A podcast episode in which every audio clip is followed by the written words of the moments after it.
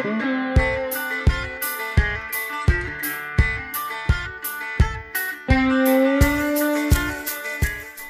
hei, og velkommen til podkasten Goffeng på leting. På denne podden skal vi ha lange, rolige samtaler hvor vi leiter etter svar og forklaringer på hvorfor den tida vi lever i, er såpass polarisert og kaotisk som den er. Podden er eh, produsert i samarbeid med tenketanken Agenda, men det er jeg som står ansvarlig for innholdet. Og det innholdet vil vi gjerne ha kommentarer på på Facebook-siden, som også heter Goffeng på leting. Vi har også lyst til å være litt lytterdrevet. Så hvis dere har forslag eller ønsker om hvem vi skal snakke med, og hvordan og hvorfor, så tar vi veldig gjerne imot det også. Så eh, velkommen, som sagt, og vi snakkes.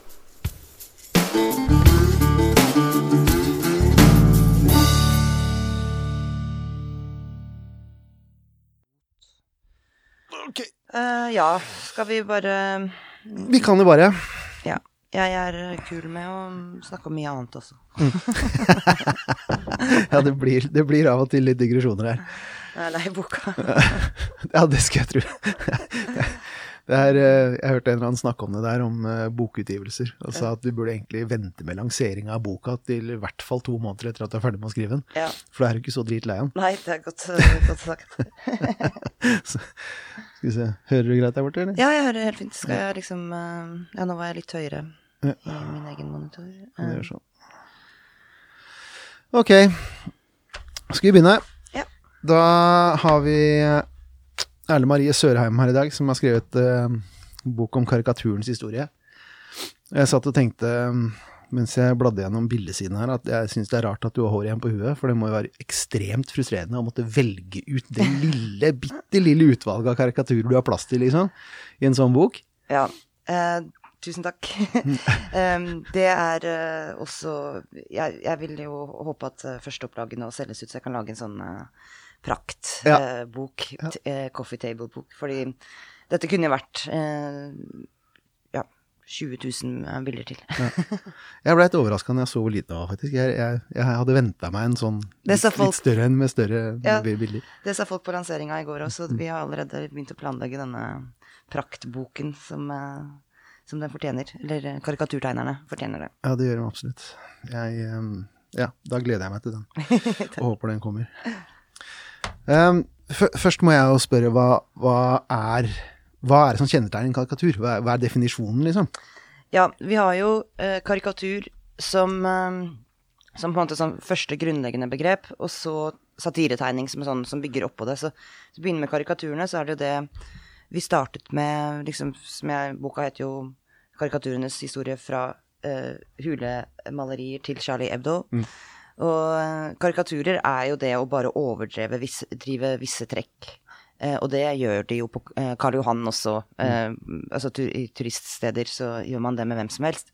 Og det er en karikatur hvis man klarer å overdrive visse trekk og, og finne det liksom signifikante med personen. Og, men så hvis det skal være en satiretegning, så må den ha litt mer eh, punch enn bare det, da.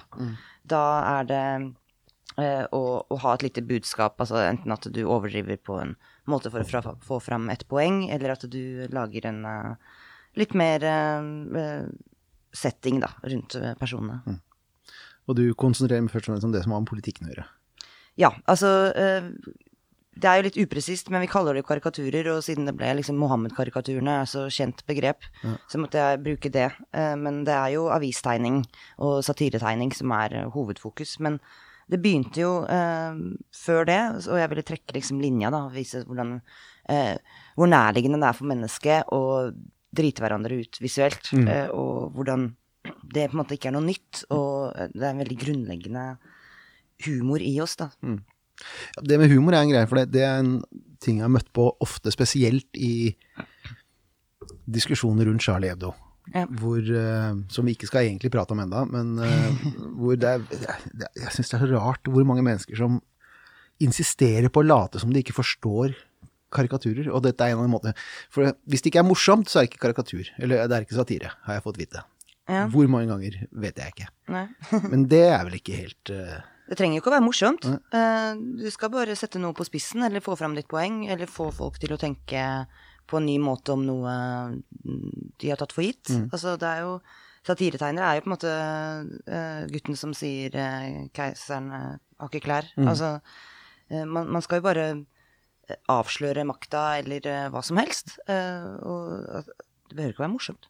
Nei, Men det er veldig ofte det. Ja. ja, det blir en ekstra punch, selvfølgelig, hvis det er det. Men, men ja, nei, jeg har møtt den der veldig mange ganger. Jeg syns den er veldig Det er en rar greie at så mange har hengt seg opp i det. Ja, eh, det tror jeg også er litt sånn eh, med Charlie Hebdo, da, som vi ikke skal begynne å snakke om ennå, men nå snakker vi om det, eh, er at man hele tiden hadde sånn Det var så mange vikarierende måter å avslå dem på. Eh, De var dårlige. Plutselig var liksom den intellektuelle norske intellektuelle eliten var plutselig kunstskjønnere og kunne bare avfeie dem fordi de var dårlige. Streken var dårlig, liksom. Ja, og det er sånn Hva vet du om det? Uh, vet ingenting om det. Så det ble veldig mange vikarierende motiv for å på en måte unnskylde at man ikke trykket dem, da, eller unnskylde at man uh, avfeide dem. Eh, veldig urettferdig mot de tegnerne, må jeg si. Og ikke visste jeg at, at det fantes en gud for hånliggjøring og kritikk heller. Nei, Det ble jeg veldig glad for å lese. ikke jeg heller. Momus, den var fin. Ja, Momus. Gresk, var det? Ja. Eh, Jeg, jeg, fant eh, poenget med denne guden, da, som, eh, som hånet alle de andre gudene på Apollon. Eh, og jeg, skri- jeg syntes det var så utrolig gøy, men så var jeg litt sånn Hvor riktig er Altså, hvor stor var denne guden? Så jeg skrev ikke så mye om det, fordi ok, han fantes, men jeg hørte med Inger Merete Hobbelstad. Hun var sånn Ja, eh, men det, var ikke sånn kjempesentral gud. Eh, så, så jeg tok det med. men- Satt stort sett bort i hjørnet og lo av folk, liksom. ja, ja, og så ble han jo kasta ut, da, fordi han eh, de, ble, de andre gudene ble så sure fordi han hånet dem Stemmer. hele tiden. Da tenkte jeg åh, that's my god. Jeg har et sitat her som jeg insisterte på, insisterer på å lese i løpet av den sendinga her. Og det, den, jeg tenkte på det når han guden der ble snakka om. Og det er fra H.L. Mencken, 1924. Han er en strålende fyr, han der, eller var. Jeg har mye artige sitater fra han. Og det er et bra åpningssitat for hele episoden, tror jeg. Han sier at uh, the liberation of the human mind has never been furthered by learned dunderheads. It has been furthered by gay fellows who heaved dead cats into sanctuaries and then went roistering down the highways of the world. Og han der guden der må jo være en sånn en. Ja. Dead Cats var litt trist, da. Dead, dead cat heaver. Ja. Um, du snakker om liksom, tradisjonene for dette her, som jo skilles litt fra land til land. Um, vi kan ja, ta det først, da. De første satiretegningene, karikaturene du nevner her, de er ganske gamle. Ja. Um, jeg ville vise Altså, jeg begynte på en måte med nåtiden, eller jeg kunne jo en del om uh, historien, men så ville jeg på en måte gå så langt tilbake som mulig eh, for å se på en måte hvor begynner dette.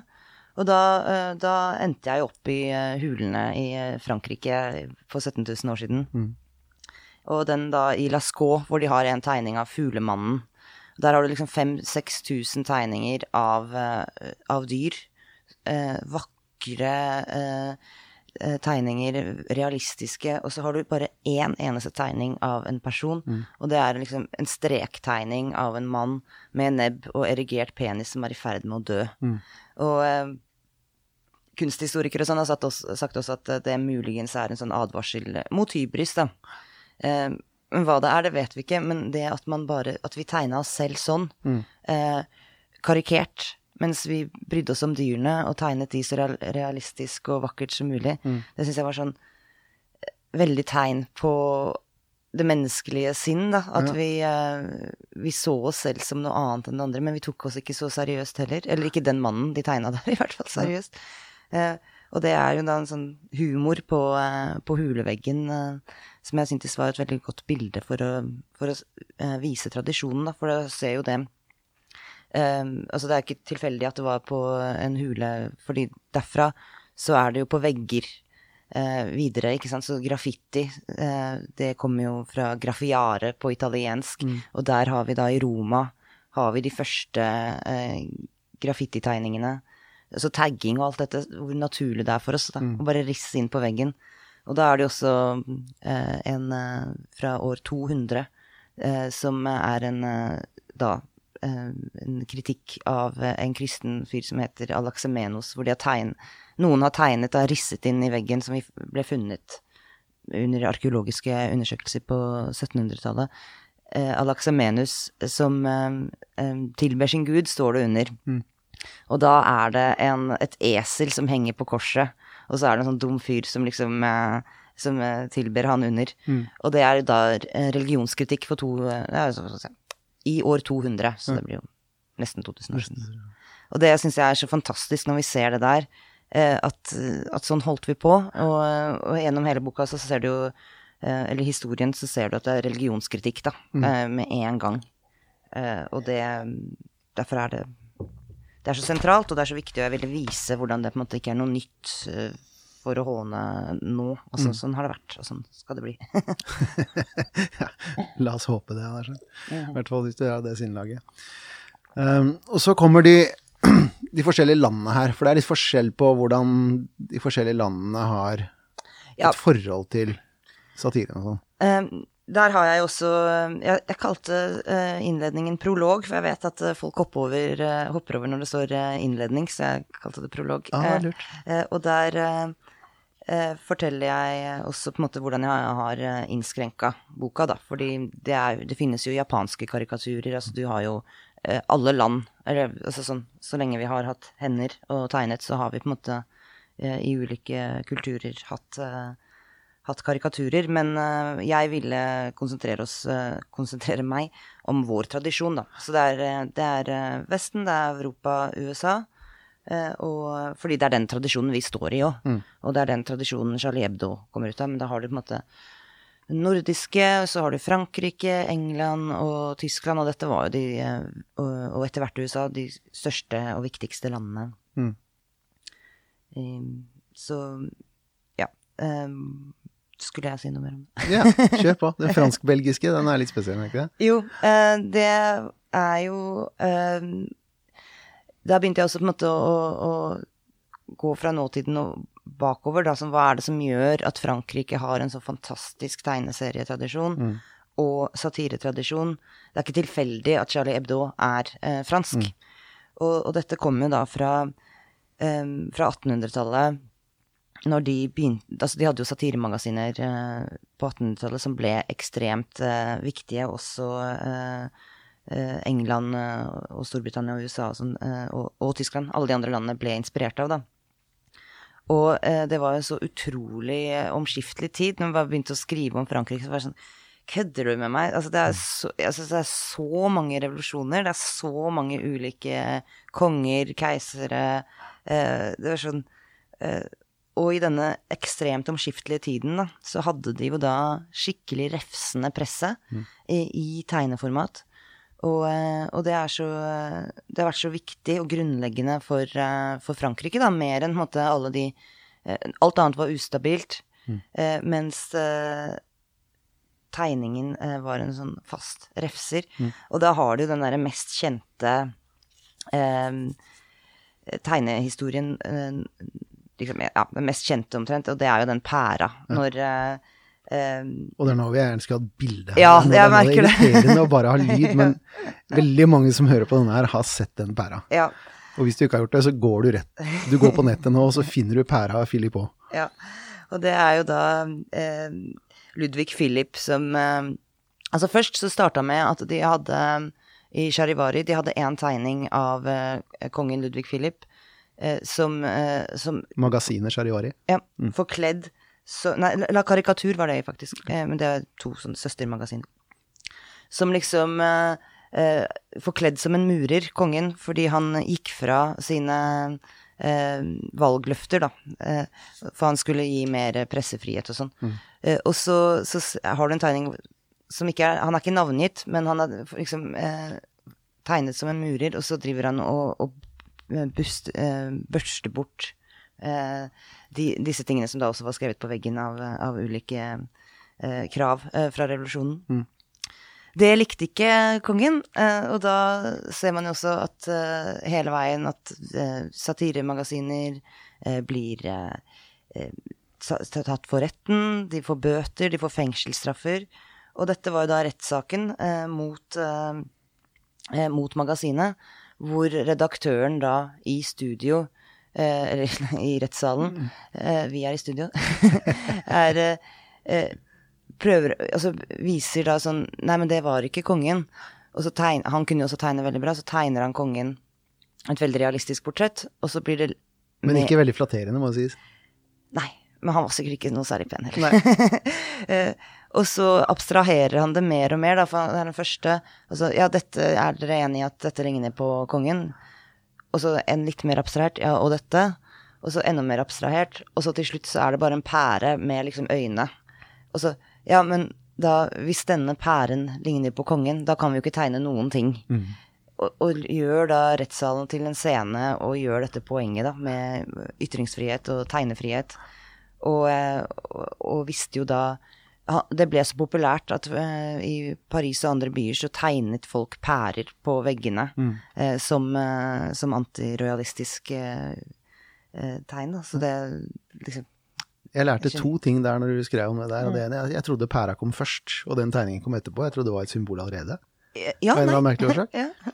Men jeg visste ikke at han utførte det der live. Nei. Jeg vet at den tegningen som de alle som var sett, der ble tegna etterpå, liksom.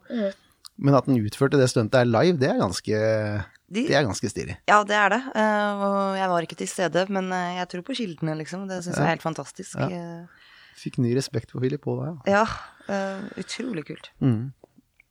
Og det var jo litt sånn som jeg Vi snakker så mye nå om ytringsfriheten er trua, og man ikke kan si det man vil og sånn i, i vår tid, eller at man er redd for det. Men jeg ble på en måte litt oppmuntra av uh, hvor kjipt det har vært, da. Altså da, da blir det liksom Fy søren, da er det utrolig mye bedre i dag.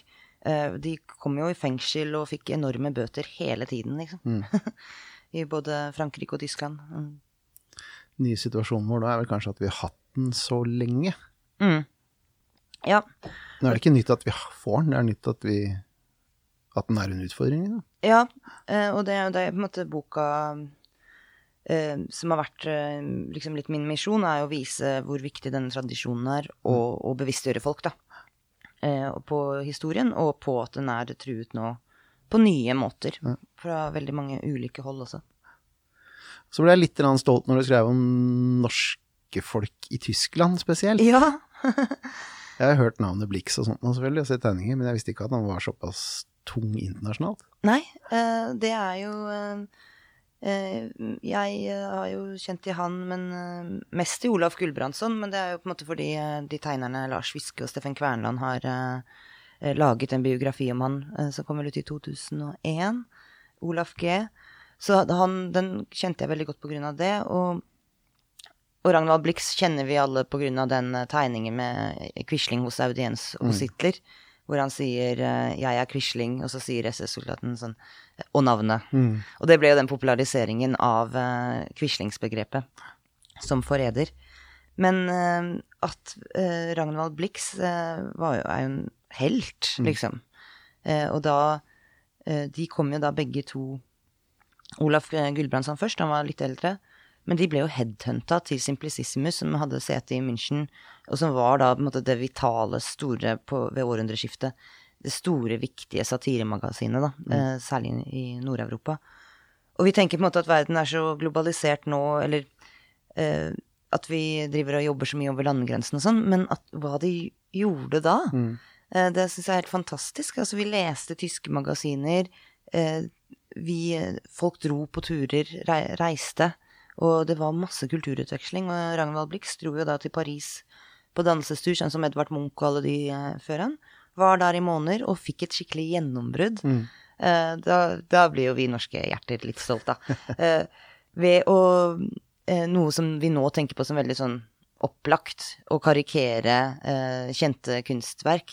Men når han kom på det, han gikk i Louvre og kom på å, å gjøre narr av Mona Lisa, eh, så, så var det en helt ny tanke. Og han, leverte, han utga da disse karikaturene av eh, disse kjente klassiske verkene. Eh, og eh, fransk-pariserne ble helt fra seg. Hvem er denne vikingen som eh, håner liksom vår kunst? Og det er vi ler oss i hjel. Hvordan, eh, hvordan kan dette ha skjedd? Kom en fjellape ned hit, det er kul, liksom. Ja, ja.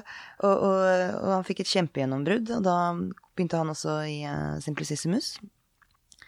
Og, og var jo eh, en enorm eh, viktig eh, figur. Og så skal jeg ta det også, eller med at eh, Olaf Gulbrandsson eh, ble jo veldig fetert, og og, og rik. Bodde ved Tegernsted der. Jeg var der i fjor eh, og så hvor han har eh, bodd. Fantastisk sted, hvis man vil ha et reisetips. Eh, men han og de andre i redaksjonen, eh, da nazistene kom til makten, så, eh, så krevde de jo nazistene at bladet skulle stenge, legges ned. Eller at de skulle gå i, på den nazistiske linja, og da gjorde de det. Mm. Eh, utro... Altså, Trist. være et satiremagasin og, og, og gjøre det. Altså, du dreper deg jo Det er jo et selvmord. Eh, og eh, mens da Ragnvald Blix var motstandsmann. Og en av grunnleggerne av Simplicissimus, TH-TH Heine, var jøde. Så mens de kollegaene gjennom liksom 20-30 år sier greit, vi fører fra nå av en eh, nazistisk linje, så blir han jaget ut av landet og er på flukt i eh, først eh, Tsjekkoslovakia, og så eh, er det da Ragnvald Blix som får han til Norge. Og så til Sverige, hvor også Ragnvald Blix må flykte rett etterpå. Så du har eh, eh, Blix som på en måte den helten mot Gulbrandsson, som jo da bare Ja, gjorde som nazistene ba han om. Og Så Fulgte makta. ja. Det er jo fort gjort.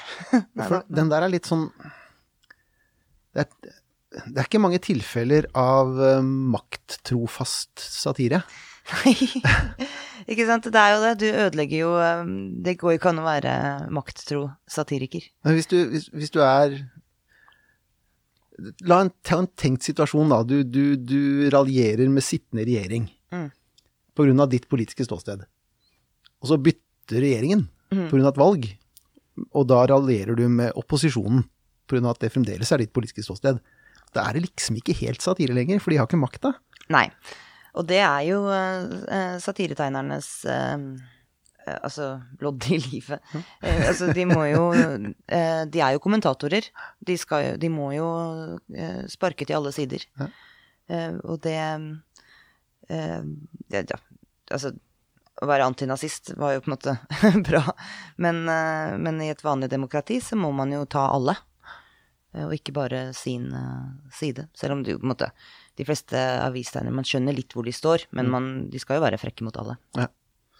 Du har forresten nevnt Simplicissimus for de som har sett bildet av den tegningen av en rød bulldog med en kjetting som ligger ved foten. Det er, det er logoen til Simplicissimus. Ja, veldig kul. Og det var det også han eh, Heine Ja. eh, som eh, tegnet. Så han var en av grunnleggerne, og ble på en måte forrådt av vennene sine. da. Utrolig trist. Men tyskere har kommet i gang litt seinere enn franskmennene med dette her. Ja. Eh, og det hadde vel også litt å si med at Tyskland var så delt, oppdelt. Altså man hadde ikke én Altså Berlin var ikke så sterkt som det Paris var på 1800-tallet, da. Eh, og veldig mange små fyrstedømmer og småkonger så videre. Men eh, de kom jo sterkt der, eh, og, og da var jo Simplicissimus den viktigste og helt sånn utrolig bra tegner, altså kunstmessig også, så er det streker som Jeg var på det Olaf Gulbrandsson-museet i Tegernsee, og der så man veldig mange originaler, da. Og da, da er det sånn Du kan på en måte stå og sikle eh, over strekene også. Eh, enormt gode tegnere. I går hadde jeg lansering, og da eh, var Lars og Steffen, eh, altså Lars Fiske og Steffen Kvernland. Lars har laget coveret på boka. Noen av, eh, to av Norges beste tegneserieskapere. Og de satt og så på bildene her, og så begynte de bare å måtte, snakke om den ja, ja, denne eh, Ragnvald Blix sin eh, Quisling-tegning, så er det sånn Ja, ja, det er jo så bra poeng, men se! Se på hvordan Altså, jeg elsker å sitte og snakke med dem fordi de eh, kan så mye tegneteknisk, da. Og hvordan de priset uh, Blix sin eh, strek her, og tegning, og uh, det var sånn Å ja, det er så bra. Og så er det vel også litt sånn bilde av tyskere som litt mer autoritetstro enn franskmenn, er det ikke det? Det er ikke bare, det er ikke bare på satiren franskmennene har pekt seg ut, det er jo Ja. De, de er kranglete. Ja, det er veldig Jeg bor jo mye av året i Tyskland og har gjort det i 14-15 år. Eh, og jeg driver og lærer fransk nå. Ja. Og jeg opplever det, det er veldig stor forskjell, altså. Og en del Man kan jo på en måte si mye sånn eh, Det er mye klisjeer om tyskere, men, eh, men det er autoritetstro på en annen måte enn vi er, også absolutt. Eh, hvor man forholder seg til regler eh, sånn går ikke over veien på rødt lys, osv. Uh, uh, som Ja. det er på godt og ondt. Mm. og så er det amerikanere, som du skriver en del om. Ja. Amerikansk kultur. Der er en knallfin, et knallfint eksempel på hvor mye gjennomslagskraft disse kan faktisk ha, og det handler om Tammany Hall, Ja. Som regjerte i, i New York. ja. Kunne du noe om de eh, De var litt Altså at de var sånn stor makt, eh, det var litt nytt for meg. Men jeg er ikke ja. så god på um, amerikansk historie, egentlig, så det var veldig gøy å lese meg opp. Eh, Men det er jo da Thomas Nast, som kalles liksom the father of political cartoon i USA. Eh, Han var republikaner. Men også veldig god satiretegner. Altså, men da hadde du det, dette miljøet i New York som var korrupt, eh, demokratisk korrupt. Og ehm, eh, som han på en måte egenhendig Han dreit de så mye ut. Han viste dobbeltmoralen. Han viste hvor korrupte de var, i tegning. Og fikk snudd eh, opp, altså, folka mot dem, da. Så det, han, han egenhendig, ved sin strek, eh, rev ned hele det skitne demokratiske partiet i eh, New York. Og det er jo helt fantastisk at, eh, at man kan gjøre sånt med Med tegning. Ja. Det mest berømte der, og den du også bruker, det er bildet av Boss Tweed, som eh, var kongen av New York, på en måte. Ja. Og han blei tegna med, med en pengesekk som hode. ja. Det er en strålende tegning. Ja, den er helt nydelig. Og den minner meg litt om pæra, egentlig, Ja. til Philippon Ja. eh, og Domier.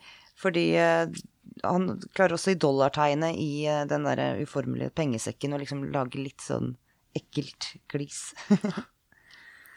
For, for øvrig en annen New York-tegning som uh, er et eksempel på hvordan spiller folk opp mot hverandre. Det er en eh, jeg vet ikke det, det er vel satire, egentlig, men det er krokodiller som kommer krypende opp av Hudson-elva idet Ja. katolikkene begynner å emigrere til USA, virkelig. ja. Uh, og så kommer da krokodiller opp fra Hudson, men munnen deres er pavehatter. uh, her kommer de for å spise opp New York, liksom. Pa papistene. ja. Ganske effektfull, den òg. Og det er jo eh, Altså, det er på en måte som er litt sånn Man sier at det er eh, den første kjente satiretegningen, i hvert fall i Vesten, da, det er jo en utretting av paven. Og, og dette hvor mye religionskritikk, og hvor mye Også Martin Luther, hvordan de holdt på å mot pavemakten. Hvordan man brukte tegning til å kritisere religion. Eh, Det er en rød tråd opp gjennom 2000 år, liksom. Eh, og det er fascinerende hvor hatsk Nå glemmer vi litt liksom uh, hvordan eh, katolisismen og, og protestantismen Hvor hardt, hvor, hvor bitter den kampen var. Nå er vi på en måte alle venner, men når du ser de tegningene, så det har ikke alltid vært, nei. Den eh, Martin Luther med han eh, Kranach den eldre, som jo da eh, tegner eh, at paven blir på en måte bæsja ut av rumpen på en furie, og så er det sånne hekser i bakgrunnen som oppdrar paven. Eh, det er jo Det er ikke liksom eh, subtilt. Ikke akkurat. Er dette her jeg syns er litt trist med de diskusjonene vi har rundt det nå, fordi Altså, John Stuart Mill i On Liberty han skriver liksom det er, ja. Blasfemien er ytringsfrihetens utgangspunkt, liksom. Det er den viktigste og den første ytringsfrihetskampen. Ja. Og absolutt den mest, mest langvarige. Ikke Ja. noe tvil om det. Jeg liker at du trekker opp uh, John Stuart Mill, fordi On Liberty jeg har studert uh, filosofi, og jeg var uh, veldig fan av, eh, av den boka. Og, um, og det er kulturkrasj totalt, da, men eh, eh, det eh, er jo det som er sånn som skjer eh, nå, og hvor tegning er eh, i mye større fareposisjon enn vi som bare sitter og snakker, skriver på norsk. Ja. At det blir tatt rett ut eh, Altså at det kan bli sendt jorda rundt eh, og dratt ut av kontekst og tolket på en helt annen måte. Og folk tror de forstår en tegning uten å ha konteksten. Eh, mens man liksom eh, Hvis jeg ser noe på kinesisk, så skjønner jeg at jeg ikke forstår det. Ja. Men alle tror de forstår en tegning, selv om de kanskje ikke gjør det. Ja, og så må det forklares og forklares og forklares. Mm. Og folk nekter å forstå, og nekter å forstå, og nekter å forstå, og holder seg på sin første impuls, liksom. Ja, eh, og det er jo så veldig populært i vår tid eh, å være veldig for eller veldig mot noe. Det er sånn du får likes, det er sånn eh, du liksom slår igjennom på Twitter eller noe som helst. Så folk fyrer seg så innmari opp, og så den derre ideen om at kanskje ikke ta alt i verste mening. Den gjelder liksom ikke lenger. Det er sånn Jo, men jeg så det her, eh, og det kunne være rasistisk, derfor er det rasistisk, og han er rasist, og så videre og så videre. Og alle han snakka med er rasist, og alle han sitter på scenen med er rasist, og Ja. ja så, så dette er eh, eh, en utfordring i vår tid, vil jeg absolutt si. Og, og jeg syns veldig synd på satiretegnerne, som vet at de kan komme i en sånn shitstorm når som helst. Og hva gjør det med den kunstneriske friheten? For er det noe som skal være aller friest, så er det satiren. Ja.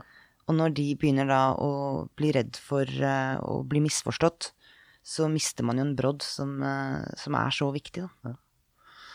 Ja, jeg har sett uh, Hagen var i Aftenposten, vel, var det senest i går? Det var NRK, jeg husker ikke.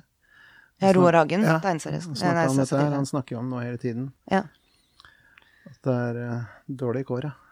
Ja, og um, det er eh, Samtidig så bygges redaksjonene ned. Tegnerne har ikke den samme ryggdekningen eh, i, fra avisene, eller fra mediehusene. Så da er du mer aleine, da. Mm. så er du frilanstegner. Hvor mye skal du gidde å liksom eh, sette hodet på blokka hvis du er så aleine, og du kanskje knapt får Altså hvis du får 2000 kroner for en tegning, Ja. eh, da har du ikke lyst til at den skal eh, liksom ødelegge. Og det, så, det, så det er en utfordring nå, og det er veldig eh, presserende. Eh, man trenger eh, trygge kår for tegnere. Og jeg, jeg skjønner ikke hvorfor man hele Folk blir jo så himla sinna hele tiden, liksom. det er sånn Men ikke sant, så blir det sånn Nei, dette er det var jo en tegning av Det var vel Serena Williams, av en australsk tegner, som da i fjor Hvor hun var tegna For hun hadde et raseriutbrudd, mm. og var veldig Hun spilte mot en veldig ung eh, japansk, Ja. engelsk eh, Er det vel? Ja. Er og ble ekstremt frustrert. Ja. Ja. Og, og, oppførte seg barnslig. Og så eh, og overhodet ikke Hun er jo en den store stjerna, hun skal jo være et forbilde. Hun skal jo Og da denne tegningen hvor hun hopper opp og ned på racketen sin, eh, med, så er det en smokk ved siden av, og så var det sånn Så har hun krusete hår. Hun har jo det. Eh, og så hadde hun store røde lepper, og da var det sånn Denne tegningen er rasistisk. Og så ble han tegneren da fordømt, liksom, eh, i sosiale medier. Uh, og så er det sånn um, Var den det? Eh, og så blir det sånn Ja, ok, men kanskje leppene ikke skulle vært så røde. Men da begynner man jo å snakke på sånn detaljnivå. Eh, Og du, hun, hun du skal sinne. jo liksom overdrive eksisterende features, da. Ja. Og, eh, og det er jo ikke å, å sparke nedover. Hun er en av eh, verdens største idrettsstjerner. Mm. Hun tåler det. Garantert. Men folk blir så sinna på andres vegne. Ja. Folk blir så sinna på liksom denne enormt suksessfulle, en av de kuleste, beste idrettsut kvinnelige ut idrettsutøverne vi har hatt. Og så blir eh, folk måtte, krenka på hennes vegne, og da denne tegneren får denne shitstormen de luxe og blir hengt ut som rasist. Så det er sånn Det er ikke veldig fruktbart, syns jeg. Og du nevner noe av det samme med tegnere som fikk litt småpanikk når Obama vant. ja. For hva i all verden gjør vi nå? Ja. Uh, ja, snakket med Jeg har et intervju med eh, den norske satiretegneren eh, Siri Dokken, som skriver eh, tegner i Dagsavisen. Og hun, hun snakka om det, da. At da var det sånn Å, shit, hvordan kan vi karikere han uten å bli, eh, bli, bli beskyldt for rasisme, da. Mm. Eh, og sånn eh, tenker jo da tegnere hele tiden. Og det er veldig vanskelig når man jobber så visuelt og skal overdrive karaktertrekk, og samtidig ikke overdrive noe etnisk. Altså de, de er jo på denne balanselinja hele tiden.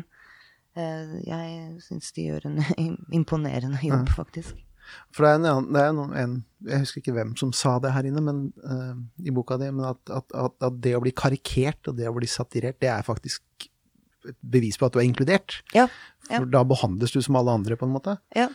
Det var jo veldig interessant, eh, eh, og som jeg så skriver om, eh, på, eh, på 60-tallet eh, i USA. Hvor man ble så redd eh, i de progressive avisene. Ble så redde for å på en måte være rasistiske, eller bli beskyldt for det. At man ikke tegna eh, karik karikaturer av de mest kjente Martin Luther eh, Martin Luther King. ja, og, øh, og så videre. eh, de andre. Malcolm X. At de ikke tegnet satiretegninger av- dem, da, for de var så redd for det. Og da ble det sånn generiske tegninger av en uspesifisert eh, svart eh, amerikansk mann. Eh, så denne redselen for å ta eh, For å, å, å ta tak i det har jo vært eh, lenge. Mm. Og da er det noen av de mest sentrale menneskene eh, på den tiden har da nesten ikke satiretegninger av seg. For det, vedkommende her, er det du som skriver det, eller er det han intervjuende? Jeg husker ikke, for jeg har ikke notert akkurat den biten, men Mm. som sier at man, det er jo ekskluderende. Yeah. For du er jo ikke inne i det som Jeg, jeg, jeg har tenkt på dette her når, det, når vi har hatt disse bråket her hjemme de par-tre siste åra, Mm. med, med komikere som har hatt karakterer, Ja. ikke sant? ja. Eh, hva, hva skjer da, hvis du skal ha borettslaget, ja. men du, du må for, dette er en sjanger der én komiker har mange forskjellige roller, Ja. og da må man spille andre enn seg selv. Ja. Ellers så funker det forholdsvis dårlig. Men da kan den komikeren bare ha med hvite karakterer, liksom. Ja. Og det er ekskluderende. ja. Eh, og det må være deprimerende å sitte og se på. Ja, altså, men det eh, jeg tenker med den uh, greia der også, er at uh, hvis det bare hadde vært hvite karakterer da, så hadde de jo fått kritikk for det òg. Selvfølgelig. Så uh, du kan på en måte ikke vinne. Men Siri Dokken snakker veldig godt om det derre eh, å kjenne historien. Mm. Og vite liksom eh, hva som er eh, kjent. Altså sånn, hvis du skal tegne en jøde, så vet, bør du kjenne den antisemittiske eh, stereotyptradisjonen. Eh, og unngå det mest ekstreme. Eh, og det Og blackface er en ting, det er støtende, men eh, ja, nei, hva skal Da har du på en måte eh, Den komikertradisjonen der blir vanskelig, da. Noe som ikke kan være inkluderende. Ja, men da skal de ta, skal de da, Altså, du må ikke male deg i ansiktet, da, for eksempel. Men da fortsatt eh, Nei, jeg er glad jeg ikke er komiker. Ja, Akkurat nå. For det er ikke bare satiretegnere som snakker om dette her om dagen. Nei. Du hører fra standup-komikere også. Ja. Jeg satt og så på et intervju med Dave Chappelle i går. Oh, ja. Mm. Han snakker jo om akkurat det samme, ikke sant. Ja, hva sier han? eh? Han sier det blir jo vanskeligere og vanskeligere. Ja. Eh, Det er jo veldig mange mennesker som later som de ikke forstår humor. Det er veldig mange mennesker som later som de tror at en humoristisk standup et humoristisk standup-poeng faktisk er en reell uttalelse. Ja. Men, men du må jo på et eller annet sted vite at det ikke er det. Men du later liksom som du tror at det er det. Det blir en sånn offentlig innrømmelse av at du har nedsatte kognitive evner, liksom. Jeg, jeg, jeg har aldri skjønt den greia der. Nei, eh, det er liksom ingenting er i quotation marks lenger. Nei. Alt tas som eh, at man mener det, Ja. eh, ut av kontekst. Og det, det tror jeg er noe av det mest problematiske da, med vår tid. At man, eh, man, man tar bort konteksten hele tiden. Og bare, Nei, men du sa det. Ja, ferdig. Ja. En annen ting som plager meg noen ganger er, og det her tror jeg kanskje jeg har litt feil inntrykk, jeg er ikke helt sikker, men det, det virker ofte på som det så, det er så få. Det er så skjørt dette her, for det er så få. Uh, og jeg merker det noen ganger når jeg leser boka di også, for det, det vi snakka om i stad med Tammany Hall blant annet, for der var Harpers involvert. Mm. Og det er der dette berømte brevet kom da ut for et års tid siden. Det Harpers-brevet, jeg vet ikke om du fikk med deg det? Jo, uh, ja. Jeg følger med på de greiene her. 150 public intellectuals og kommentatorer og hva det måtte være som skrev et sånn samla brev hvor de sa at nå er, det, nå er ytringsflaten vår trua. Ja. Um, når jeg ser at Harpers drev med det da, og Harpers driver med det nå, så det, men det er ikke mange som er aktive på dette her. Nei. Og det gjør at det føles så skjørt. Altså, eh, hvis vi skal snakke litt sånn eh, bredere om ytringsfriheten, så er det jo litt sånn eh, Vi har jo mer ytringsfrihet nå enn noensinne, eh, og det vi lever jo i en utrolig god tid. Eh, men jeg tror kanskje vi har fått litt sjokk, vi vanlige, eller vi som på en måte er sånn liberale og ytringsfrihetsforkjempere, på at den blir litt trua fra andre sider, da. Det er på en måte ikke staten lenger, sånn som tegnerne hele tiden Det var staten som sensurerte, det var staten som uh, sanksjonerte. Nå er det ulike grupper som hele tiden uh, prøver å påvirke hva man kan si og ikke. og uh, ja, nei, det er, det er kritikk eller motstand fra andre fronter, da, men jeg syns jo eh, vi har Jeg er jo Jeg sier hva jeg vil, på en måte. og, og det kan vi fortsatt. Men eh, jeg merker også at det er veldig mange som, som ikke gjør det. Mm. Jeg er jo ganske aktiv på Twitter og sånn, da får jeg ofte høre at jeg følger deg på Twitter av folk som aldri gir seg til kjenne, oh. og som sier Nei, som, som jeg ikke vet at er der. Mm. Og Så det er jo litt sånn personlighet også, og sånne ting. Eh, men det er veldig mange som ikke tør. Ja.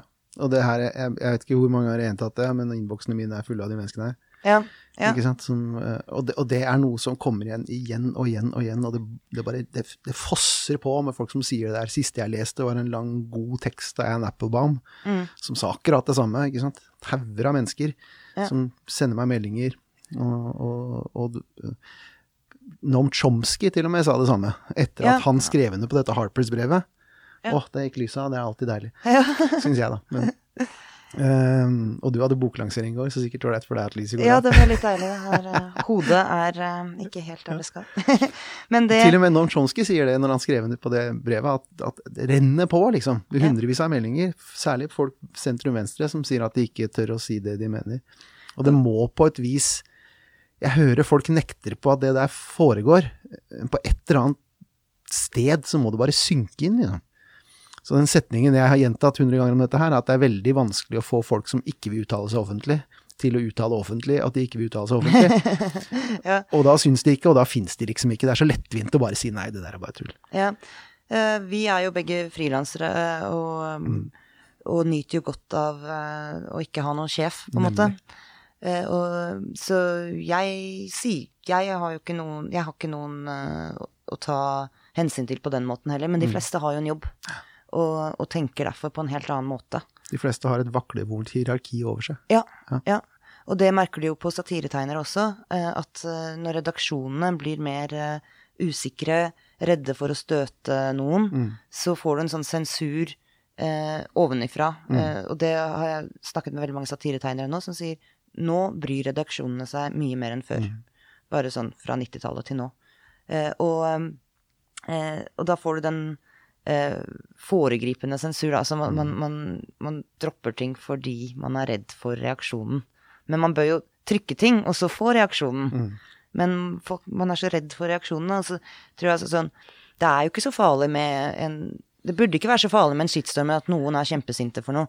Men det som skjer, er jo da at eh, tegnere mister jobben, eh, eh, journalister eh, osv. Eh, fordi redaksjonen er feige. Eh, redaktørene er feige. Eh, hvor de jo bare skulle stått på, og så istedenfor så kaster man ut den eh, Man kaster folk under bussen. Siri Dokken sier det rett ut og veldig direkte i boka di. Det er en pysete redaktør, redaktørstand vi har fått nå. Ja. Det er en ganske Ja, og Det det, er ganske altså. eh, VGs sjefsredaktør Gard Steiro intervjuet meg jo i går Ja. eh, og på eh, lanseringa, og, og han hadde bitt seg merke i det. Han hadde det? Ja. Ja, fint. Jeg sa ja. Fortsett tror å han bite var seg merke ganske i det. enig. Han var veldig engasjert i dette. Saken er at det er De feige, hvis du kan tørre å bruke et sånt uttrykk, Mm. de, de forstår ikke hvor få disse skrikehalsene er. Nei. Ikke sant? Og de forstår ikke hvor mange som gjerne skulle sagt noe. Ja. Det er her det, det, er her det skjærer seg helt. Og det ser du igjen, sånn som etter det Harpes-brevet som jeg kommer tilbake igjen nå for fjerde gang. Ja, men disse er jo ikke De som skriver under der, de kan jo ikke klage over at de ikke har ytringsfrihet, liksom. Nei. De er jo public intellectuals og snakker hele tiden. Jeg gudene veit hvor mange ganger jeg har hørt det argumentet der om det brevet, fra, fra visstnok smarte mennesker. Mm. Men de snakker ikke om seg selv. Det er Nei. det som er, de snakker ikke om seg selv. De snakker om en ytringsflate, liksom. Og de tusenvis av menneskene som sender dem meldinger. Ja. Så enten så kan du snakke om det, og da er det et bevis på at problemet ikke fins. Eller så tør du ikke å snakke om det, og da hører man det aldri, og da er det også et bevis på at problemet ikke fins. Så, så det blir liksom en umulig, en, umu, et, en umulig påstand å fremføre. Ja, eh, det er jo eh, veldig presist, ja. Og det er jo sånn hele tiden Den derre Vi er jo Jeg syns det er veldig rart, eller ganske fascinerende, nå hopper jeg litt, eh, men eh, med eh, liksom å være kvinne på 90-tallet, så var jeg jo på en måte det undertrykte kjønn. Til nå å plutselig være sånn eh, så, Jeg er så privilegert. Og jeg er jo akkurat samme situasjon. Kommer ikke fra noe rikt hjem overhodet. Og så plutselig er det sånn at Det er merkelig. Og så sånn Nå er det på en måte det å være hvit kvinne mm. er plutselig en sånn eh, maktfaktor. Så Jeg har aldri opplevd det. Eh, men så var det sånn, ok. eh, så skjønner jeg jo at det er mange som eh, sliter med mye mer. men, men man har på en måte snudd eh, mye de tingene på hodet, da. Og, den, og jeg hører også med mange som har barn eh, som mener at barna sånn på rundt 20 og sånn de mener sånn ytringsfrihet Mm. eh, er tull. Mm. Altså sånn, ikke snakk mer om ytringsfrihet. Ytringsfrihet er de privilegertes Mm. greie Å, for å undertrykke folk. Og da blir jeg sånn Hæ? Men For det er jo også litt det samme at man snakker jo Ytringsfrihet er jo sånn Det er jo derfor vi har disse samtalene nå, Mm. at alle snakker. Og eh, jeg syns det er helt greit at folk eh, mener noe er rasistisk, eller mener eh, det derre Japan-showet jeg, jeg så ikke det, den derre Ram sin. Det var sikkert ikke så veldig morsomt. Hvem vet. Men uh, det er helt greit at folk reagerer. Det er jo det vi har ytringsfrihet til. Få opp på torget alle meninger. Ja. Men å på en måte mene at ytringsfrihet ikke er viktig, da, de, på en måte, vil, da er det jo dem selv, eh, altså minoriteter og andre som er, har eh, avvikende meninger, det er jo de som blir borte først. Det er et skifte der, det må vi prate om. Men Mm. først så er det vel eh, For du snakker med Flemming. Ja, ja det var veldig gøy. Uh, og han er vel han som sier at unge mennesker i dag har aldri blitt fratatt noe. De har aldri blitt fratatt noe viktig. Mm. Og det er altså Ja, det er vel Du vet ikke hva du har, for du mister det, dynamikken. Ja. det. Eh, Charlie Hebdo-redaktøren Riss. Eh, Det er han som sa det. jeg tror det er han som Ja. sier det. eh, som påpekte at hans generasjon, han er rundt eh, noen og 50 nå, Mm. De eh, vokste opp med en foreldregenerasjon som hadde blitt fratatt alt. Ja. Visste hvor, eh, hvor viktig ytringsfriheten var, hvor skjørt det er. Eh, mens eh, den unge generasjonen nå har faktisk aldri eh, opplevd eh, det å leve i diktaturer. da. Nei. Eh, og, og Og han de har ikke hatt det. en i nærhet av seg heller. Vi hadde jo Sovjetunionen. Mm. Og når det knekker, så får man høre hvordan det var, liksom. Ja. Og det er min generasjon. Ja. Mens det, det også har ikke eksistert i vår nærhet, liksom. Nei, og må da, forferdelig langt unna før du finner eksempler på det. ja, og da skjønner man kanskje ikke helt uh, hvor grunnleggende viktig det er, da. Uh, jeg blir litt sånn sinna når man driver og uh, liksom mener at ytringsfriheten er en sånn privilegert ting som bare Det er historieløst. Så snakker Ja, historieløst. historieløst. Jeg Eh, tror, jeg tror Det er vel Ivan Krastev også som bruker den der for å forklare forskjellen på vesteuropeere og østeuropeere. mm, At vesteuropeere har hva han sier, lost their, their tragic sense of life. ja, ja. Mens østeuropeere de forstår at verden kan flippe helt på huet i løpet av forferdelig kort tid, liksom. For de har opplevd det. Ja. Folk på vår alder. Eh, Noen av dem to ganger. Ja, altså i Berlin eh, Jeg bor jo akkurat der muren gikk mellom Øst- og Vest-Berlin. Ja. Eh, og det har vært eh, utrolig interessant å se eh, hvordan disse eh, tingene lever i, i østtyskere fortsatt. Ja. Og, og de har jo da ingen De har en utrolig skeptisk, skepsis mot uh, staten, ikke sant? Mm. Eh, vil ikke dele informasjon, er har aldri sitt ekte navn på Facebook hvis de overhodet er på Facebook. Ja. Al altså så redde for alle sånne ting. Eh, med god grunn. Ja, de husker hvordan det var å leve i et diktatur. Mm. Eh, og, eh, så det er, ikke, det er ikke så langt unna for mange. Men eh, for den, de som liksom da er født etter murens fall, Mm. er det blitt veldig fjernt. Og de kan jo forholde seg til at staten var For vi snakka om det i stad. At, at det var staten på en måte som var fienden. Mm.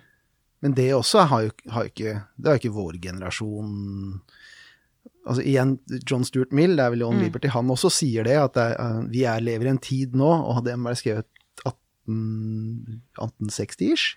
Antakeligvis. Og da, han skriver jo der også at det er ikke staten som er utfordringen nå. Nei. Det er jo, det er jo presset fra samfunnet som er utfordringen nå. Staten kommer ikke og fengsler deg fordi du sier noe gærent, men du har den kom, altså, kompakte majoriteten, som Ibsen kaller det. Ja. Det er den som er farlig. ja. Så, og det, det tror jeg har vært hovedsituasjonen helt siden han skrev den pamfletten, egentlig. Uh, ja, bortsett fra nazi... Ja, bortsett fra den korte perioden der. Ja. Uh, men uh, jeg tror det er mye større fare at den selvsensuren vi holder på med selv fordi Ja. vi tror det er så stort. Og så er det egentlig ikke så mange stemmer, men man tar for mye hensyn til Mm. for få, da. Eh, det skriver vel han Og nå skal ikke jeg name-droppe han eh, økonomen som snakker om eh, Men eh, at minor, altså de, de få kan få veldig mye makt. Nassim, alle Nassim Taleb. Ja, takk. Ja, takk. Mm. han er veldig interessant. Eh, Jeg liker å følge han på Twitter. sånn. Den ivrige minoritetens tyranni, eller noe i den Ja. ja. Hvor liksom hvis det er én veganer på en fest, Ja. eh, eh, så, så lager man vegansk mat. Ja. Alt. Eller så, en gærning på bussen. Ja, ikke sant? eh, og det eh, er faktisk sånn, ja, også i eh, Syria, Mm.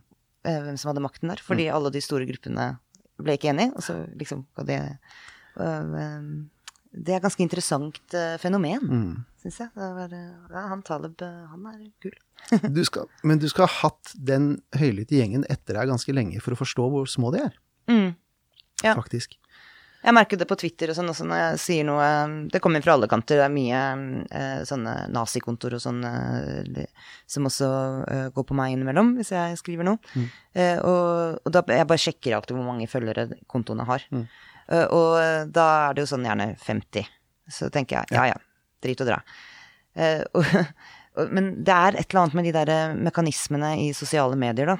Eh, jeg skrev eh, Norge hadde landskamp mot Tyrkia. Vi tapte jo selvfølgelig. Så jeg skrev en sånn selvironisk er det nå vi skal si at Tyrkia ikke burde være med i EM? kvalifik- ikke sant? Eh, som var sånn for å vise sånn typisk norsk dårlig taper. Eh, heller si sånn ja, men de skal ikke være Et eller annet skjedde der. Eh, så fikk jeg plutselig en sånn horde av uh, hatmeldinger fra Tyrkia. ja, det eksploderte. Så inni hampen, det var sånn og, og det var sånn Det var Men veldig mye av det var på tyrkisk, da, så jeg skjønte jo ikke Jeg gadd ikke begynne å Google Translate og alt det. Uh, men et eller annet organisert. Jeg skjønner ikke hvordan det kunne skje så kort tid. Altså det var liksom sånn fem minutter etter jeg skrev det, så, kom, så bare kom det, og det var sånn fra liksom 100 ulike kontor. Jeg bare, Hva er dette for en shitstorm jeg fikk nå? Dette er jo absurd. Så er det jo litt sånn ekkelt, liksom. Det er ikke behagelig. Nei, det er ikke behagelig. Eh, nei. Eh, og så da fikk jeg en eh, venn eh, som kan tyrkisk, eh, til å skrive 'dette var en spøk'. Jeg mente det. Tyrkia var jo åpenbart det beste laget. Dette var en spøk på eh, at vi var dårlige tapere. Mm. så jeg skrev det på tyrkisk, da. Eh, og fikk liksom stoppa det litt. Men da tenkte jeg hva, hvordan skjedde dette? Jeg skrev en tweet på norsk. Her har det vært en eller annen eh, Noen har oversatt og satt i gang noe. Eh, kjemperart. Det var sånn jeg bare Disse mekanismene her, dette er jo merkelig. Piska det opp med vilje. Ja. Akkurat som en del folk gjorde med Jyllandsposten-tegningene. Det, vi- det skal vi til. Ja. Men jeg, må- jeg må bare si det at jeg tenkte litt på dette her med det valgresultatet som kom nå, og skolevalgresultatet. Mm. For det er ikke til å komme fra at det har vært Mange fikk seg en kjempeoverraskelse, spesielt på skolevalget. Og det er på grunn av hvordan det har blitt fremlagt ja, det kan du de si. siste månedene. Og, og, det bildet var bare helt annerledes. Jeg ble ikke så veldig overrasket. Altså, nå har det vært Det virker jo som om eh, meningsmålinger eh, ikke tar Klarer å ta helt eh, tampen på virkeligheten på den samme temperaturen. På samme måte som før. Altså, men vi har jo hatt det med amerikanske valget veldig mye. Eh, men jeg det virker som det er et eller annet som ikke helt funker med de modellene. Og så er det vel litt sånn typisk journalismen og pressen å, å dra opp eh, de som eh, mener noe, eh, ikke sant? Men den stille majoritet er jo stille. og, Men altså, den skeivheten der For den altså jeg, stem, jeg stemte Ap sjøl Mm. for et par dager siden. Men, men jeg blir også irritert over hvor skeivt det har vært den gangen her. Mm. Det har vært merkbart skeivt, altså. Ja, men det er jo på en måte De som aksjonerer og som mener sterkeste ting, får også mest eh, fokus. Får mest presse. Så, og så er det liksom den derre Greta Thunberg-greiene med at de unge bryr seg så mye om klima. Så det er sånn Ja, de unge har åpenbart lyst til å reise rundt og eh, oppleve verden, de òg. Og, og fly og få seg en jobb og tenke på hvor mye de skal betale i skatt, liksom. Eh, folk er jo egentlig eh, vanlige. Det blir så rart noen ganger, sånn som i New York for eksempel. Da, der var det, jeg vet ikke, en million elever, studenter eller noe som fikk fri for å eller godkjent, godkjent fravær for å delta på klimademonstrasjon Ja. i området rundt byen der. Uh, og demonstrasjonen var på 60 000. Mm. uh, ikke sant? Jeg har sett demonstrasjoner på 40 000 her i år. Jeg har sett 60 000 mennesker her i Oslo, her i lille Oslo, liksom, før Ja, ja. Irak-krigen blant annet. Mm. Og du kan trygt regne med at i hvert fall halvparten av de som dukka opp der, var voksne, antageligvis. Og hadde Ja. ikke noe Men det blei fremhevet som en enorm samling mennesker, liksom. Mm. Eh, 0,2% av de som hadde fri eller et eller annet sånt, dukka opp. Um, så det irriterer meg litt. Selv om jeg syns klimasakene er forferdelig viktig, så irriterer sånt meg litt. For tilliten Eller hvorfor irriterer det deg? Ja, fordi, Fordi det er feil. ja, Det er rett og slett feil. Jeg er lei av å bli presentert ting som er feil. ja, For jeg syns det skjer altfor ofte om dagen. ja. Eh, det syns jeg også med en gang du på en måte kjenner saker litt bedre. Jeg, pressen er veldig omtrentlig, da, og går for overskrifter. Og det, det er et demokratisk problem. Ja. Eh, og man undergraver jo tilliten til seg selv. Jeg snakker litt som Altså, jeg er jo jeg er ikke journalist-journalist, men, eh, men jeg jo, har jo vært skribent hele tiden, så jeg, jeg føler det er litt min sak også. Eh, og, og man må være presis, altså. Eh, og, og dette med klimasaken og Jeg syns også det er veldig rart Ok, nå vandrer jeg kanskje litt i tankene. Men jeg syns det er så rart når folk er sånn Ja, jeg har barn, så det er så fælt med klima. For jeg tenker på sånn Jeg har ikke barn. Jeg syns fortsatt det er fælt med klima. Det er sånn, eh, Som om vi på en måte ikke, vi som ikke har barn, eh, ikke bryr oss like mye. For jeg har barn, så Ja, jeg har også lyst til at menneskeheten skal gå videre, liksom. Hadde sikkert, Edvard Munch hadde ikke barn, jeg tror han hadde lyst til å liksom eh, eh, Det er en sånn merkelig idé om at liksom barna så sånn Jeg har en moralsk følelse fordi jeg har barn, og samtidig også sånn eh, Se hvor viktig Se hvor redde barna er. Og det syns jeg faktisk er litt fælt. At man eh, Det er mange barn får Blir jo litt Blir jo redde. Det er mye sånn eh, Armageddon-klimaretorikk som jeg ikke tror eh, gagner noe. Og de barna jeg har nært i mitt liv, så, eh, så blir jeg litt sånn «Ja, men Ikke bli redde. Det, det gagner ingen. Altså, jeg vokste jo opp, jeg er født i 1982, vokste jo opp med den Tsjernobyl-skrekken. Eh, Det gagner ingen å være redd for sånne ting. Eller liksom det amerikanske Når de var redde for, for atombomben hele tiden. Eh, Det har aldri vært en god politikk å skremme eh, barn og unge. Det, og det, det irriterer meg med miljø, eh, mye miljøretorikk, at man driver sånn og skremmer. Jeg syns ikke det er et legitimt virkemiddel. Man kan bare si sånn er det, sånn, men man behøver på en måte ikke å, å, å gjøre folk sånn, særlig de unge, da, så redde. Med mindre selvfølgelig det er skremmende ting som foregår. Jo, jo, eh, og det er det vel. Eh, men, eh, men det er på en måte en eh, forskjell på å eh, jeg, jeg tror ikke det er veldig lurt å si sånn om 30 år så kommer verden til å gå under av klima. Fordi da kommer, om 30 år da, så kommer folk til å si ha-ha-ha. Men så har vi fortsatt de samme problemene, og det er jo sånn der, som de klimaskeptikerne hele tiden sier sånn eh, Se, denne vinteren var kald. Ikke sant? Du får hele tiden sånne poeng som det, da. Men nå er jeg langt ute på viddene. Ja, men det er bare kult. Digresjoner er fint. Uh, og jeg er ikke helt ferdig med denne, da, for jeg må si at jeg har brukt den her mange ganger.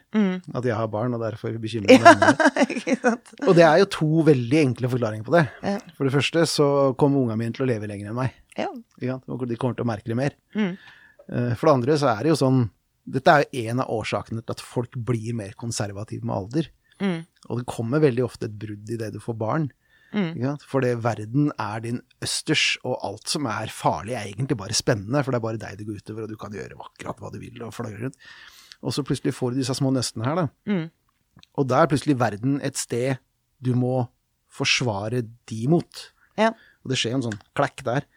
Eh, og sånn er det med klimaendringene også. Alle farer blir mye større når du har disse her du må forsvare mot de farene. Liksom. Ja. Jeg har brukt den flere ganger, jeg, Ja, ja, men jeg forstår at den er irriterende for en som Ikke har barn. Ja. Men jeg opplever jo det selv òg, uten å ha fått barn, og nå pusher eh, hardt mot 40, Mm. eh, at det synet endrer seg jo uansett. Når man blir eldre, så ser man, eh, ser man ting på en litt annen måte. En engelsk sosiolog som har regna det ut, faktisk. Ja. Han har sett på stemmetall over tid bare telt igjennom. Ah. Og funnet ut at uh, gjennomsnittsengelskmannen blir 0,4% mer konservativ per leveår.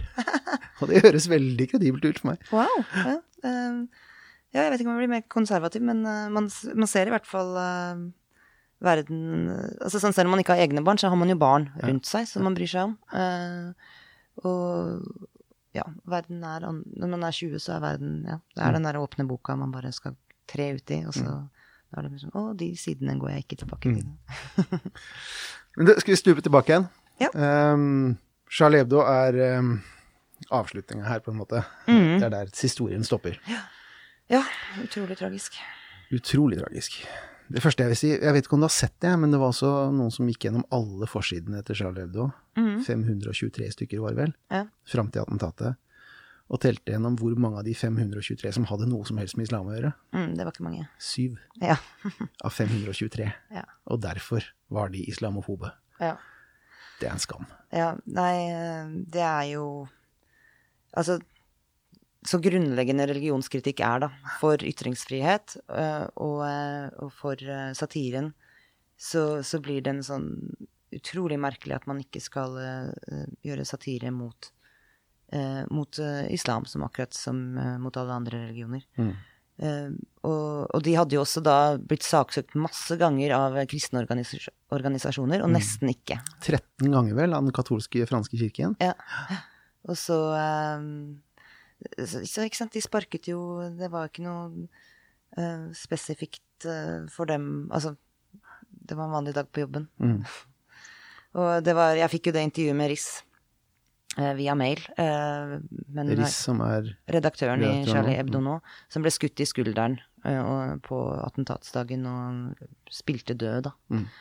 Og overlevde på den måten. Og det var så sterkt eh, bare lese det han skrev, og på en måte og hatt det traumet. Det er jo helt sånn absurd. Det er jo for oss eh, en vanlig dag på Det er jo som om noen skulle kommet inn her nå Mm. og skutt, liksom. Eh, for et sjokk når du bare gjør jobben din. Mm. Eh, og uh, Nei, uh, jeg, den er så trist, den saken der. Uh, og eh, eh, kunsten og ytringsfriheten tapte på en sånn måte. Pennen er ikke ster like sterk som en kalasjnikov, liksom. Og da Der har de De vant, da. Fanatikerne vant. Det er ingen tegner nå som utenom Charlie Hebdo-tegnerne som, som vil tegne Mohammed. Behøver ikke å være sånn Man skal jo ikke Man trenger jo ikke å tegne Mohammed hele tiden, men eh, at det er et blitt et tabu. Og alt satire handler jo om å uh, bekjempe tabuer. Og så har man da fått sånn et tabu uh, i vår tid. Og det var på en måte det vi, jeg trodde ja, på 90-tallet sånn at det var på en måte Vi kjempet Vi fikk bort alt. Mm. Og nå er det, nå er det no go-soner igjen, da. Jeg har litt vanskelig for å Jeg har noen ganger litt vanskelig for å tolke utviklingen etter det der. Jeg vil bare si en ting først. For du sier det er utrolig sterkt å lese Riss. Ja. Det er to andre ting her som jeg syns er utrolig sterke, og det er den lille pamfletten til Skjarb, ja. som var sjefen der før, som vel kom ut dagen før attentatet, eller noe i den duren der. Jeg tror den kom ut postumt. Ja, Uh, rett etterpå, den pamfletten. det er en fantastisk pamflett som folk må lese. Ja. Um, en annen ting Jeg sendte deg de to kapitla i min egen bok om dette, her, som du høyst sannsynligvis ikke har fått titta i. Du hadde boklansering i går. Ja. Uh, det, det, jeg tror det sterkeste rundt hele dette her er uh, en debatt som jeg så et par år etter attentatet, hvor um, Caroline Forrest Ja. var. Dette er Channel 4 i England. Mm. Uh, debatten foregikk før attentatet, og jeg ser det etter attentatet. Mm. Og hennes store frustrasjon her er vi er aleine. Ja. Og hun gjentar det et par ganger. Vi er aleine. Vi har en svær blink på ryggen fordi vi er aleine, og ingen av dere andre tør. Og ingen av dere deler risikoen her med oss. Mm. Og vi står midt i skuddlinja, liksom. Aleine.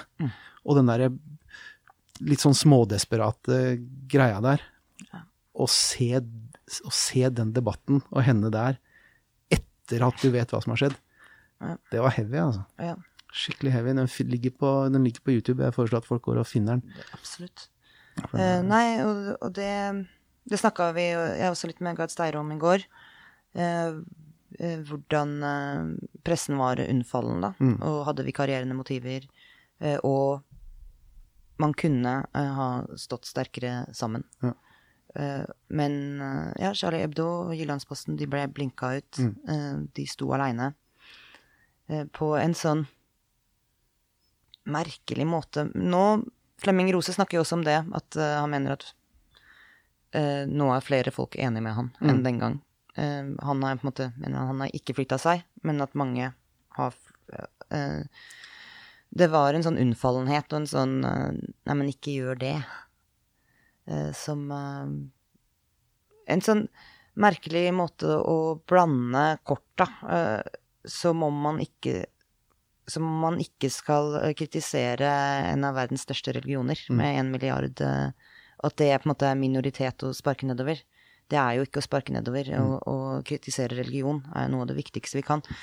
Og det er jo også veldig merkelig eh, når du har eh, så mye eh, negativt kvinnesyn i mange eh, muslimske samfunn eh, og holdninger. Eh, og at vi Der har jo også feminismen vært veldig unnfallen. mm. og på en måte ikke tatt opp. Eh, og hvorfor skal ikke vi kjempe for eh, at kvinner eh, Altså se hva som skjer i Afghanistan nå. Hvorfor skal ikke vi kritisere det? Eh, Hvorfor skal vi ikke liksom stå på barrierene for de kvinnene, da? Det er en unnfallenhet mot det som ikke er oss. Mm.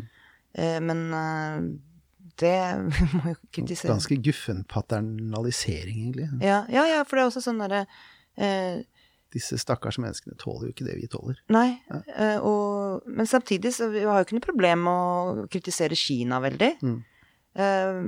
men den unnfallenhet er eh, fordi de er minoriteter, eller muslimske minoriteten i vårt land. Eh, men det er jo ikke en det er jo ikke en minoritet i verden. og at man ikke skal eh, kritisere og kjempe for eh, grunnleggende kvinnerettigheter eh, i andre eh, religioner, og også i Norge, da. Kjemperart at man eh, ikke har turt å ta i det. Det er en sånn Jeg må sende deg resten av boka mi, for jeg har et par kapitler på det. Ja, ja, ja, ja takk. det skal jeg se. Men det du sa der om, om Nei, var det Flemming Rose eller Rist du snakka om nå? Som Eh, sa det er flere som er enig med meg nå. Ja, det var Flemming Rose. Mm. For det er den ene utviklingen. Ja. Det er mange flere som sier det riktige, eller det du og jeg mener er det riktige, i hvert fall, Mm. om dette her nå. Eh, jeg det er lenge siden jeg har hørt Charlie Hebdo blant annet bli beskrevet som islamofobt og rasistisk, for det er bare en skam å holde på med, og det har de første skjønt, liksom. Mm. Så det er flere som ser viktigheten av det, og det er flere som ser at det var riktig av dem å gjøre det. Og det er flere som er enig med oss nå i at det var en skammelig oppførsel fra Ja. resten av uh, media. Og Stoltenberg og vår nye statsminister Støre, som jeg også Ja, det var et begredelig kapittel. Ja. Um, samtidig som det ikke er noen som tør å tegne.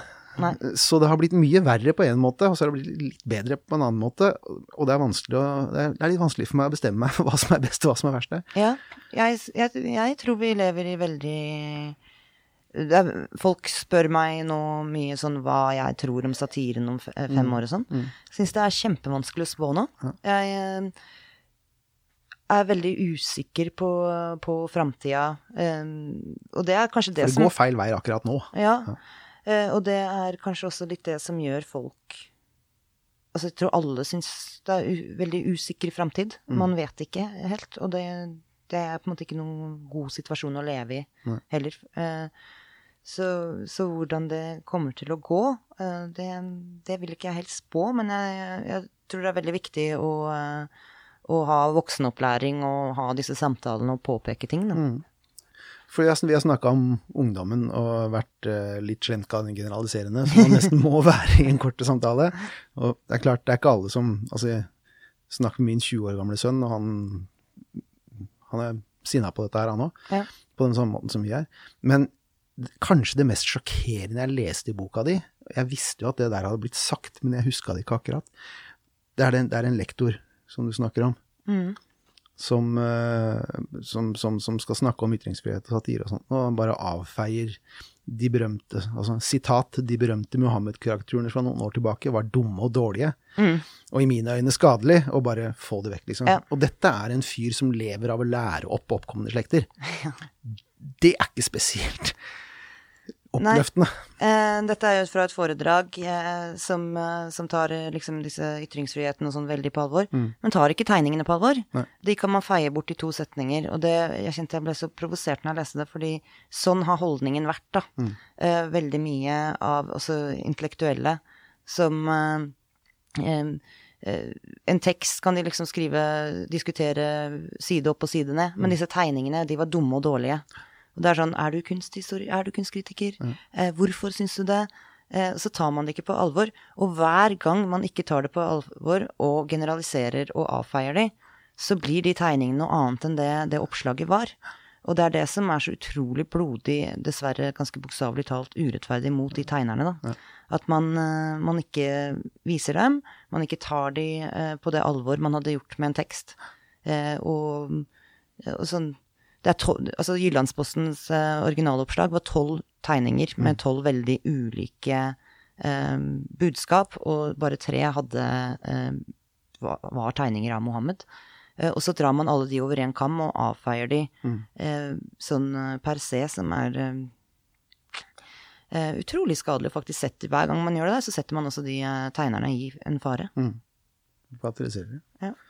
Og den der ensomhetsgreia, for den skjedde jo her i Norge også. Magasinet Ja. trykte tegningene Det var jo andre aviser som hadde trykt tegningene først, Mm. som faksimiler. Men når magasinet gjorde det, det var liksom i den perioden da det virkelig oppsto bråk. Og da ble liksom de singla ut Mm. Ja. som de som hadde trykt tegningene. Ja, og det var jo det sa Å lese boka til Vebjørn Selbekk om dette er altså ganske deprimerende. altså. Ja, eh, og det sa Steiro også i går, at da var de andre redaksjonene så feige, som hadde Mm. Sa han det? Ja. Så bra. Som, eh, som jo hadde trykket de rett etter, altså i september-oktober eh, 2005, Mm. så hadde mange norske aviser trykket faksimile. Men da var det jo ikke en sånn stor eh, internasjonal eh, sak ennå. Fordi disse imamene fra Danmark hadde ikke klart å tenne på bålet i Midtøsten ennå. Nei, eh, de dro jo der med en misjon om å gjøre det, eh, som jeg også skriver om i boka. Eh, Og, eh, og da var de norske redaksjonene som De var litt sånn hysj. Eh, utrolig feigt, da. Så lot de da Vebjørn Selbekk eh, stå alene. Og den saken i magasinet var jo interessant og veldig fin- fin. Graff uttaler seg, og så videre. Altså den en av de beste norske tegnerne uh, noensinne. Eh, det er en helt en fin sak, liksom. Eh, nå leser ikke jeg magasinet fast. Ikke heller. men, men det oppslaget Det er en god nyhetsartikkel. nyhetsartikkel. Og så blir han da med barna og alt, liksom, uh, singla ut og må sitte under politibeskyttelse. eh, mens da liksom statsminister Stoltenberg prøver, minner oss om eh, Minner avisene om blasfemiparagrafen. Ja. Som var sovende, og de visste den skulle fases ut. Det er, det er skammens kapittel, altså. Ja, virkelig. Det, For ditt tror Arbeiderparti. Den største skammen gjennom hele den perioden tror jeg var internasjonale Penn borti New York, som skulle ha Der Charlie Hebdo fikk en pris. Og var noe sånt som en tredjedel av medlemmene i Penn da boikotta den feiringa pga. at Charlie Hebdo var så slemme. Altså, det er, det er til å spy av. Ja, USA er jo et annet kapittel når det kommer til, eh, eh, til uh, slike ting. Men det viktigste er, tror jeg det der å forstå hvor liten den der hylegjengen der, for du, du nevner Gart, Timothy Garton Ash et par ganger i boka. Han har skrevet en svær murstein av en fantastisk bok om dette her, han òg, der han kommer, eh, bruker begrepet 'assassins veto'. Ja. Hvor det er morderen som får bestemme, liksom. Ja. Nå tror jeg vi er i en situasjon hvor du har anklagerens veto. Ja. Eh, og så tror folk at denne anklageren er så jævla viktig. ja. Det er den ikke, altså. Nei. Uh, og eh, det, ja, det er så viktig, fordi man merker det. Altså, man kan jo si hva man vil fortsatt. Eh, og, men man må tørre å gjøre det. Mm. Og så får man noen som eh, blir sure. Men de fleste blir jo ikke sure. Og de, man får veldig mye støtte, egentlig. Eh, men, men det virker liksom farligere nå enn før. Sosiale medier og sånn har skapt en litt uh, merkelig uh, ja, debattklima på den måten der. Twitter er ikke så skummelt som folk tror. Nei, det er ikke det. Jeg syns det er gøy. Vi må, ja, det er en ting til som vi må ta før vi lukker av. Og det er eh, eh, Og dette har vært en veldig frustrerende greie for meg, som, som sier, stemmer Ap. Jeg har alltid vært på venstresida. Alltid sett på venstresiden som den kraften i politikken som har gitt oss den ytringsflaten vi har, i kamp mot kongemakt og mot geistlig makt og mot pengemakt og alt mulig rart. Det er ganske åpenbart for meg at det er venstresida som jobber mest nå med å innskrenke det ytringsrommet. Cancel culture hva det måtte være, den, det kommer fra venstresida. Ja. Og når du ser undersøkelser fra universiteter og hva det måtte være, så er det folk som er redd for venstresida. Det er derfor de ikke vil snakke åpent i klasserommene og hva det måtte være. Um, Og det er de som har kjefta på Charlie Hebdo, og det er de som har kjefta på Valdi Harpers-brevet. Og, uh, for å forenkle det litt, så, så, ser jeg på det sånn at du har en liten skrikhalsgjeng på venstresida som holder resten av venstresida i stramt bånd. Ja, samtidig Jeg syns det er utrolig frustrerende å se på. Samtidig så um, jeg, jeg, prøver å passe på å ikke snakke så veldig sånn uh, generelt om woke og cancel culture, fordi man gjør det liksom til noe større enn det det er også. Mm. Um, jeg jeg syns det er mye større enn det folk tror det er. Ja, men, uh, men liksom, det er fint at vi er uenige om et eller annet. Ja, ikke sant. Uh, for det er sånn, hva er de store konkrete sakene i Norge, da? og da syns jeg det er mye mer fruktbart å diskutere de enn å på en måte snakke om det som en sånn ukjent størrelse. Mm. Fordi igjen så er det noe som jeg opplever at uh, de fleste er imot. Mm. Um, aller, aller, aller, aller, fleste er imot. Ja. Mm. Men det er de få stemmene som, uh, som, uh, som skriker veldig høyt. Den derre benk, benken i Tøyenparken, ja. botanisk hage, det var liksom sånn Det skal vi snakke skal, skal, skal, dette være et problem? Mm. Noen ganger blir det sånn I alle dager. Mm. Eh, en benk i Botanisk hage. Mm. Eh, av en av de eh, viktigste, liksom, hva er det han gjorde, flora-menneskene. Det er, sånn, er dette Der skal man sitte på den benken og se på de vakre blomstene, da. Mm. Det er ingen som har satt seg på den benken og, og blitt støtt. Blitt, blitt svidd i rumpa. og så har man da en sånn tulledebatt som ikke har noe med viktige om, Altså de viktige sakene. Jeg tror den gjengse uh, muslim på Tøyen. Mm. Det er ikke det han syns at vi skal drive og diskutere. Mm. I det hele tatt. Og da blir jeg sånn Det blir sånn derre eh, Kødder dere med meg, liksom? Mm. Det er sånn uh, Hva i alle dager? og det, det opplever jeg kanskje det verste på altså Sånn som jeg opplever det som mest håndfast på venstresida, da jeg er også på venstresida, det er at jeg opplever en viss sånn demonisering av folk som mener noe litt annet. Mm. Eh, og faktisk en sånn lyst Altså, en bokhandel blir måtte, kritisert for å selge en bok. Mm. Og det er, sånn, det er det bokhandler gjør. Mm. Det er å selge bøker. og så er det sånn Og dere selger den boka. som ja, dere skal jo selge alle bøker. Eh, liksom eh, Hitlers Min Kamp kom jo ut nytt. Man kan kjøpe den, bestille den i alle norske bokhandlere. Men så blir det sånn Å nei, eh, jeg så den boka i den bokhandelen. Å, fy søren. Dette er en slem bokhandel. Ja. Og så blir jeg det, det, Sånt irriterer vettet av meg. Eh, det er og, og, også det at man Det å selge noe skal liksom bety at man mener at det er riktig, for det er mm. det derre eh, Skal vi ikke lese ting vi er uenig i nå? Mm. Det er eh, også sånn en litt sånn holdning at uh, det man ikke er enig i, skal bort. Mm. Uh, det skal jo være der. Det er jo derfor vi skal diskutere og, og, og se det vi er uenig i. Og hvis jeg bare hadde lest bøker uh, eller artikler jeg var enig i, da hadde jeg ikke, da hadde jeg stått på stedet hvil. He who knows only his own side of the argument knows little of that. Hvordan er det sitatet der? Hvilket sitat er det? Det hørtes litt Han som bare kan sin egen side av en sak, vet ingenting om saken. Mm. Hvem var det som sa det? Jeg husker ikke. Det er veldig sant. Quiz-spørsmål. Folk kan uh, sende inn svar. Ja, veldig. Veldig. Det Men det du beskrev sånn... nå, er på en måte cancel culture, liksom? Alt jeg ikke liker, skal bort? Ja. Mm. Jo da. jeg, jeg, jeg, ser det, eh, og opplever det sånn eh, Jeg merker det også på, på en del holdninger mm. som jeg, jeg syns det er litt sjokkerende. Jeg, veldig, jeg, var veldig overraska over det en periode. Mm. Ettersom, som jeg sier, jeg mener at det er venstresiden som har gitt oss den ytringsflaten. Åpna den opp. Mm. Uh, så jeg ble veldig overraska nå når jeg merker så veldig godt at det er den siden som prøver å lokke ned det. Men det er ikke så rart i det hele tatt, egentlig. For det er jo, det er jo Altså, igjen en veldig forenkla analyse. Det er venstresiden har på en måte kulturelt hegemoni over store deler av Vesten. Har hatt det, i hvert fall.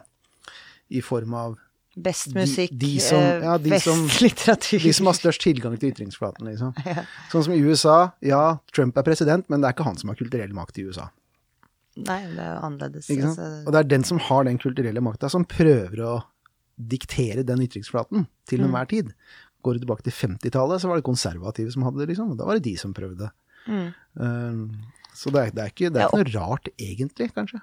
Nei, og så opplever jeg Jeg tror bare det er litt uvant for oss. Fordi mm. fra, på høyresiden så har du andre typer uh, uh, sånt. eh, som man ikke har brydd seg om på venstresiden. Mm. Fordi det ikke er Man er uansett uenig Mm. med dem.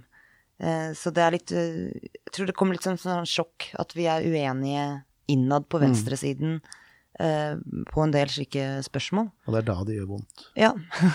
Det er da det gjør vondt. Ja, og det, det syns jeg er veldig skummelt, at man ikke eh, vil snakke med de man er uenig med, da. Eller bare på en måte blokkerer, eh, fjerner. Jepp. Jeg har egentlig vært gjennom det jeg tenkte jeg skulle spørre deg om. Har, du noe, har vi gått glipp av noe her som du syns det er viktig å snakke om? Eh, man har gått glipp av å lese boka. Selvfølgelig. Ikke jeg, da, for jeg har lest boka. nei, ja, tusen hjertelig takk for det. Den heter 'Karikaturens historie', og den bør leses. Takk. Mm, det var en veldig god bok. Og jeg Ja, synes de, er de, er, ganske- de er veldig kraftfulle, de intervjuene på slutten der. Ja, den, eh, den er på en måte delt i to. Jeg har den historiske gjennomgangen, for jeg vil forklare hvorfor vi har satiren, hvorfor den er viktig. Og så tar jeg på en måte tempen på nåtiden på slutten. Så det er liksom todelt. Eh, Og den kunne vært eh, 300 sider lenger. Selvfølgelig. Ja. Men jeg tror det er noe sånn Jeg merker jo også selv at jeg syns det er utrolig tilfredsstillende å lese ferdig en bok. Ja. Eh, og, og denne kan man på en måte få lest ferdig. Eh, det setter noe på Jeg tror, Sam, jeg tror det var Sam Harris jeg, som sa at hvis du, hvis du, hvis du fram... Altså, én ting er hvis du skriver en historie til et land, f.eks., da må du ha jævla mange sider. Ja. Men hvis du skal fremføre et argument, og du ikke klarer det på 100 sider, da må du tenke over argumentasjonen din. Ja, absolutt. Ehm, så Nei, og vi har vært borti flere andre Eh, Jeg er faktisk litt stolt av bibliografien i, i eh, boka her. Eh, det er veldig mye Hele bibliografien er egentlig lesetips. Ja. Det er further reading. og ja, du ser Charb, Open Letter Ja. Sharp Open Letter. Les. Ja. Les Sharp Open Letter.